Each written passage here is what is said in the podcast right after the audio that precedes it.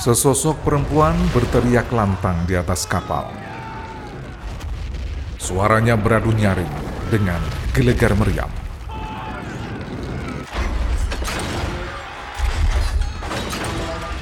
Tegas, memberi komando pada pasukan yang bertempur di Palagan.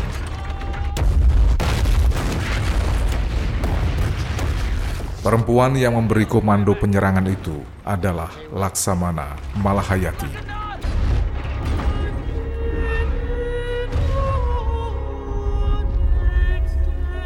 Ia memimpin seribu lebih perempuan, para Inong Bali atau janda prajurit kerajaan Aceh yang suaminya telah gugur dalam pertempuran melawan Portugis di Teluk Haru atau Selat Malaka beberapa waktu sebelumnya.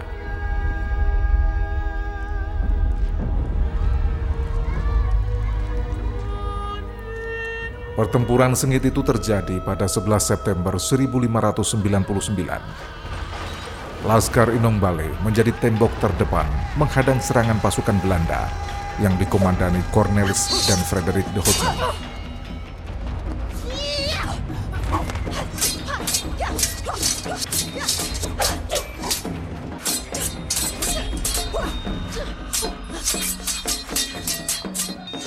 Cornelis de Houtman akhirnya tewas saat bertempur satu lawan satu dengan Malahayati. Sementara saudaranya, Frederick de Houtman, ditawan.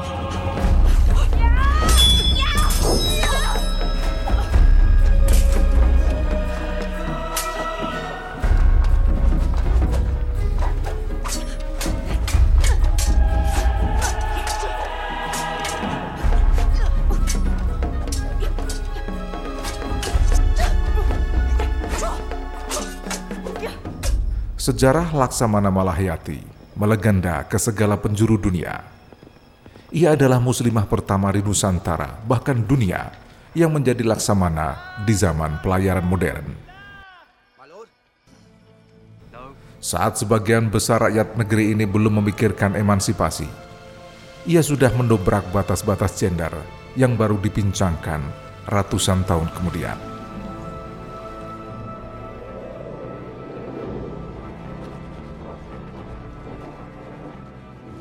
Sekitar enam abad silam, Malahayati dilahirkan.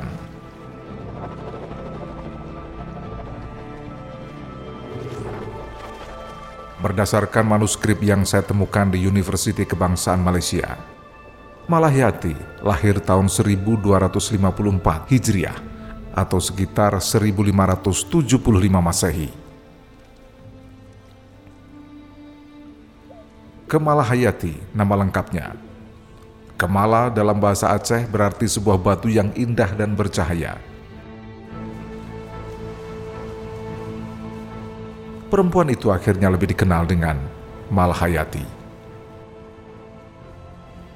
Dalam tubuhnya mengalir darah kesatria. Ayahnya adalah Laksamana Mahmud Shah, Panglima Kerajaan Aceh. Kakeknya Muhammad Said Shah juga seorang laksamana terkemuka Sedangkan kakek buyutnya, Sultan Salahuddin Shah, memimpin Aceh pada tahun 1530 hingga 1539. Sultan Hasanuddin merupakan putra Sultan Ibrahim Ali Mohayyad Shah, pendiri Kerajaan Aceh Darussalam.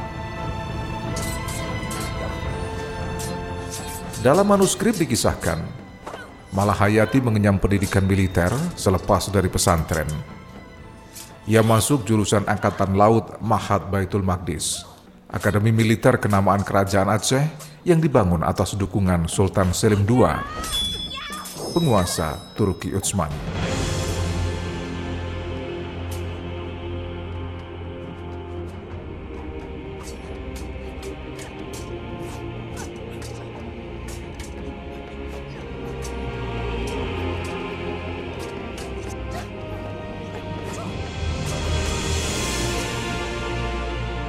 Di akademi itu, Malahayati tumbuh sebagai sosok yang sangat brilian. Lulus dari akademi, ia kemudian menjadi komandan protokol Istana Darud Dunia di Kerajaan Aceh Darussalam. Saat suaminya gugur di Palagan Selat Malaka ketika melawan Portugis, Malahayati meminta pada Sultan Al-Mukamil Raja Aceh yang berkuasa pada tahun 1596 hingga 1604 agar berkenan membentuk armada perang. Prajuritnya adalah para janda pejuang Aceh yang gugur dalam pertempuran di Selat Malaka.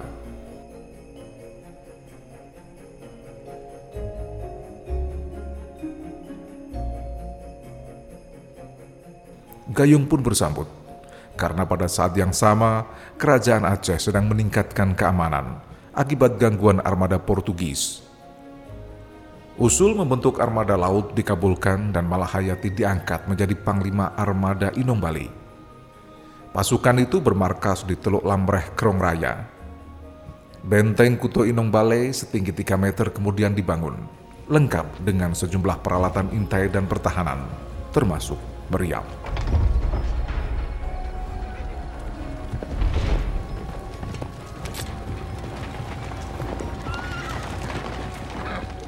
Tak hanya menyusun pertahanan di darat, pasukan Inong Bali juga dilengkapi 100 lebih kapal perang.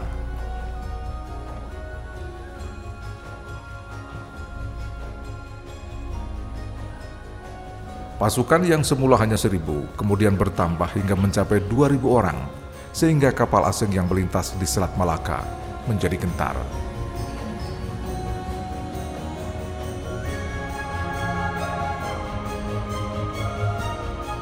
John Davis, seorang berkebangsaan Inggris yang juga nahkoda kapal Belanda yang mengunjungi kerajaan Aceh, saat itu melaporkan. Kerajaan Aceh pada masa kepemimpinan Laksamana Malahayati mempunyai perlengkapan armada laut yang terdiri dari 100 kapal perang dan rata-rata berkapasitas 400 sampai 500 pasukan. Pada saat yang sama, komoditas ekonomi yang dihasilkan bumi dan laut Aceh serta daerah semenanjung Melayu sangat melimpah. Misalnya lada dan rempah-rempah. Komoditi itu pula yang menarik bangsa lain seperti Belanda, Portugis, dan Inggris. Aceh begitu terbuka bekerja sama dengan orang asing tapi sifat rakus dan ingin menguasai komoditas dengan cara kotor mulai dilakukan, seperti membuat perjanjian dagang hingga menyerang Aceh.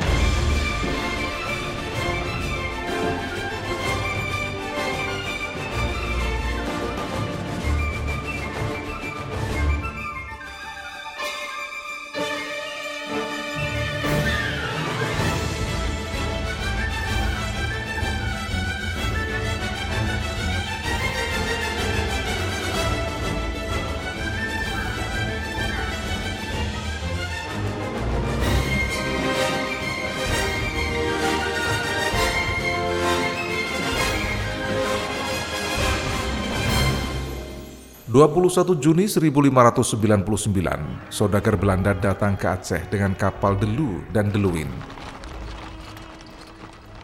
Dua kapal itu di bawah kendali dua bersaudara, Cornelis dan Frederick de Houtman. Pasukan ekspedisi dari Belanda itu baru saja selesai menghancurkan Kesultanan Banten. Mereka disambut baik oleh keluarga kerajaan dan memikat hati Sultan sehingga diizinkan melakukan perdagangan dengan Aceh sekaligus membuka kantor dagang.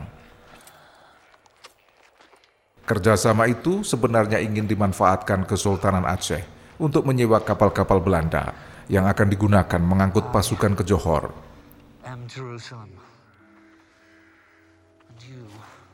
Perjanjian sewa kapal itu ditandatangani 30 Juli 1599 dan pengiriman pasukan direncanakan berangkat 11 September.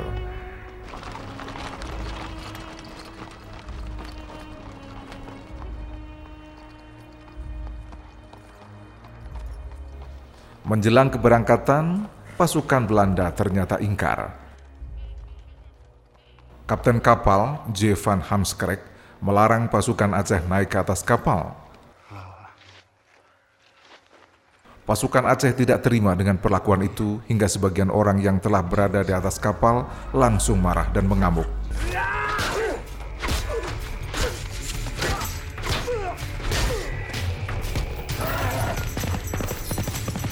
Belanda lalu menembaki mereka serta beberapa pembesar Aceh yang masih berada di atas sampan, termasuk kerabat Sultan, hingga korban di kedua belah pihak tak bisa dihindari.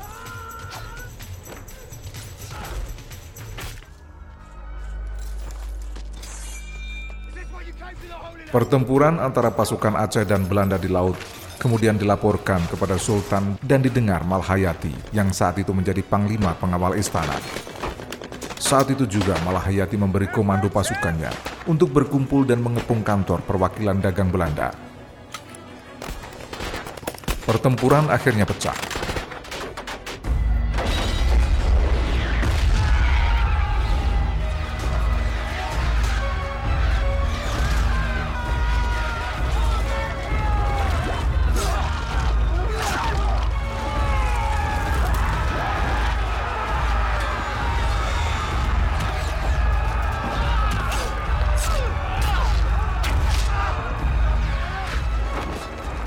Dalam penyerangan itu, Cornelis de Houtman tewas di tangan Malahayati dan beberapa anak buahnya juga terbunuh.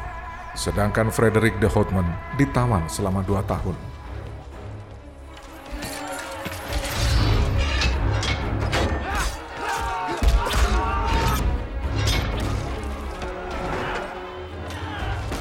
...21 November 1600... ...Belanda ingin membalas dendam dan mengirim pasukan ke Malaka kali ini di bawah komando Paulus van Karden. Mereka kemudian menjarah dan menenggelamkan kapal-kapal yang penuh rempah-rempah di pantai Aceh.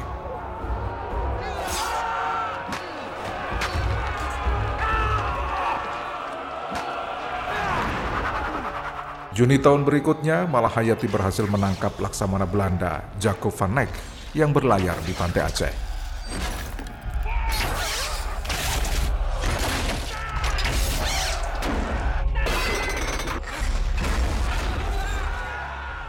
Setelah berbagai insiden, Belanda kemudian mengirim surat diplomatik dan memohon maaf kepada Kesultanan Aceh melalui utusan mereka, Maurits van Oragensen.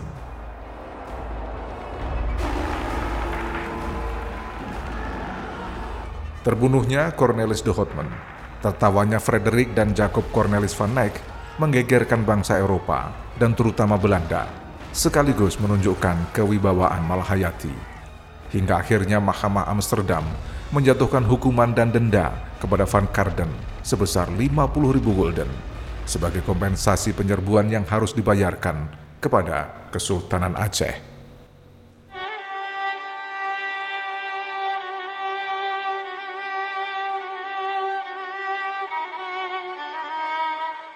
Sepak terjang Malahayati akhirnya sampai ke telinga penguasa Inggris saat itu, Ratu Elizabeth I Tak seperti Portugis dan Belanda, Inggris ternyata memilih cara damai saat akan melintas di Selat Malaka.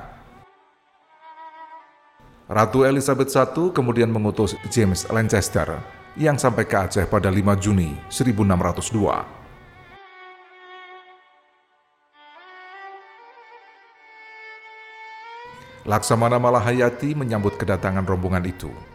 Ia melaksanakan semua instruksi Sultan dalam rangka penyambutan utusan Inggris yang saat itu sedang bermusuhan dengan Portugis.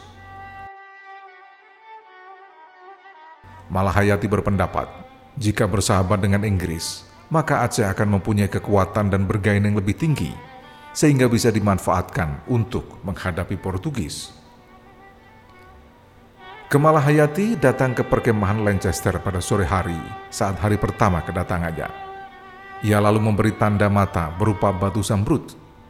Di samping itu, Malahayati juga membawa kabar tentang kedatangan 20 armada Portugis di Malaka yang akan melaut ke perairan Aceh. Perempuan pemberani itu akhirnya memberi saran kepada Lancaster agar segera meninggalkan Aceh untuk menghindari bahaya. James Lancaster sebenarnya ingin tetap bertahan di Aceh, Namun, Laksamana Hayati meyakinkan bahwa Portugis akan menimbulkan bencana jika Lancaster tetap di Aceh, karena Portugis juga mengincar perdagangan dengan Aceh, terutama lada, namun belum mendapatkan izin dari Sultan Sayyid Mukamil. Malahayati kemudian menjanjikan jika Lancaster bersedia meninggalkan Aceh, Ia berjanji akan menahan Portugis di perairan Aceh selama 10 hari agar tidak bisa mengejar utusan Ratu Elizabeth itu. Setelah mendapat jaminan keamanan, akhirnya James Lancaster bersama rombongan meninggalkan Aceh pada malam itu juga untuk kembali ke Inggris. Keberhasilan menempuh jalan damai itu menyebabkan James Lancaster dianugerahi gelar bangsawan oleh Ratu Elizabeth I.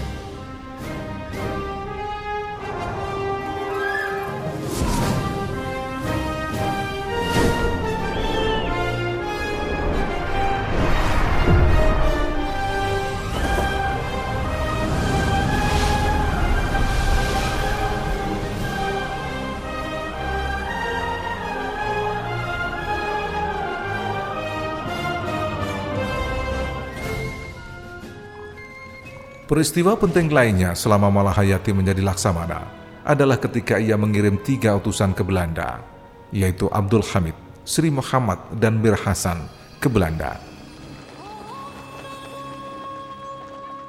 Ketiganya merupakan duta-duta pertama dari kerajaan di Asia yang mengunjungi Eropa. Rombongan duta Aceh itu tiba pada awal bulan Agustus 1602. Tapi tanggal 9 Abdul Hamid wafat dan dimakamkan di pekarangan gereja St. Peter di Middelburg, Zealand.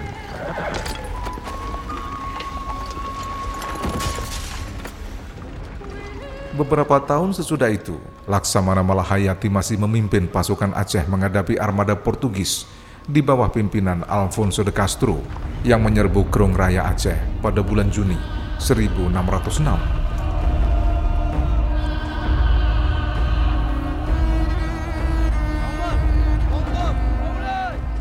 Sejumlah sumber sejarah menyebut Malahayati gugur dalam pertempuran itu dan jenazahnya dimakamkan di lereng Bukit Kota Dalam, sebuah desa nelayan berjarak sekitar 35 km dari Banda Aceh.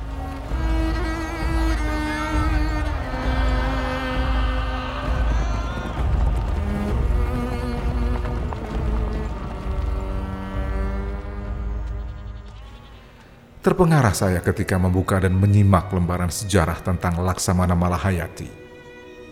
Lalu mengapa kisah heroisme Malahayati tak banyak didengar oleh umat?